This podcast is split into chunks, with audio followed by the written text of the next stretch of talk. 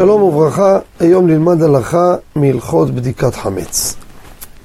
כידוע, בכל בתי ישראל עובדים, מנקים את כל הבית כמו שצריך.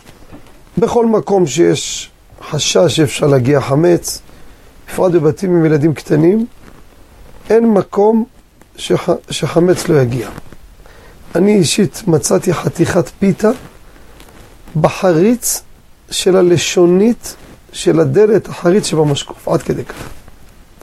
עכשיו בבתים ילדים קטנים מאמצע האוכל נכנסים חוץ מכבודכם לבית הכיסא, הוא משחק, משאיר שם את הלחמניה שלו, אחרי האסלה.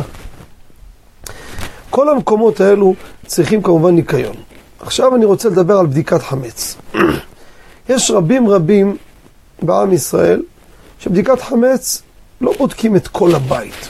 היו גדולי ישראל שעות על גבי שעות בודקים. יש כאילו מה עושים? לוקחים מישהו אחר, מכינים עשרה חתיכות לחם, פתיתים פחות מכזית, פחות מ-27 גרם, ואותו אחד סוגר אותם, עוטף אותם טוב, שלא יתפוררו. מחביא בכל מיני מקומות בבית, ורושם בדף. והוא לא יודע איפה, ועם הנר הוא הולך שלב שלב עד שמוצא את הכל. אבל גם בדבר הזה לא בודקים את כל הבית. האם מנהג ישראל הזה, שלא בודקים ככה את כל החורים והסדקים בבדיקה, האם יש על מי לסמוך? הלכה למעשה, כיוון שאדם ניקה את הבית והשקיעו כבר בבית, מספיק הבדיקה הזו מלמעלה.